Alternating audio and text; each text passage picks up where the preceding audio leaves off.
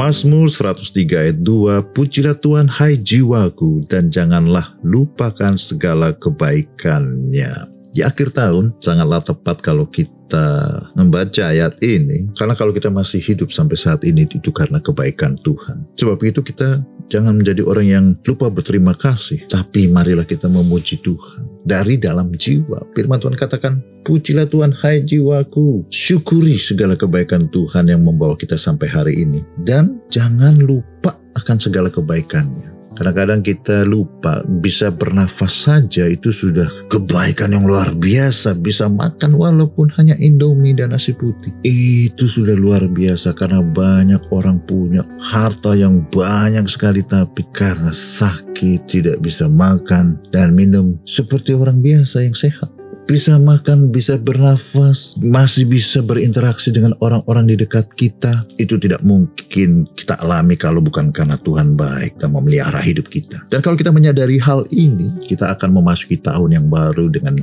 berani, berpengharapan, dan bersemangat. Karena kalau Tuhan menyertai kita tahun yang sebentar akan kita akhiri, pasti dia juga akan beserta kita di tahun yang baru. Pujilah Tuhan, hai jiwaku, jangan lupakan segala kebaikannya. Amin.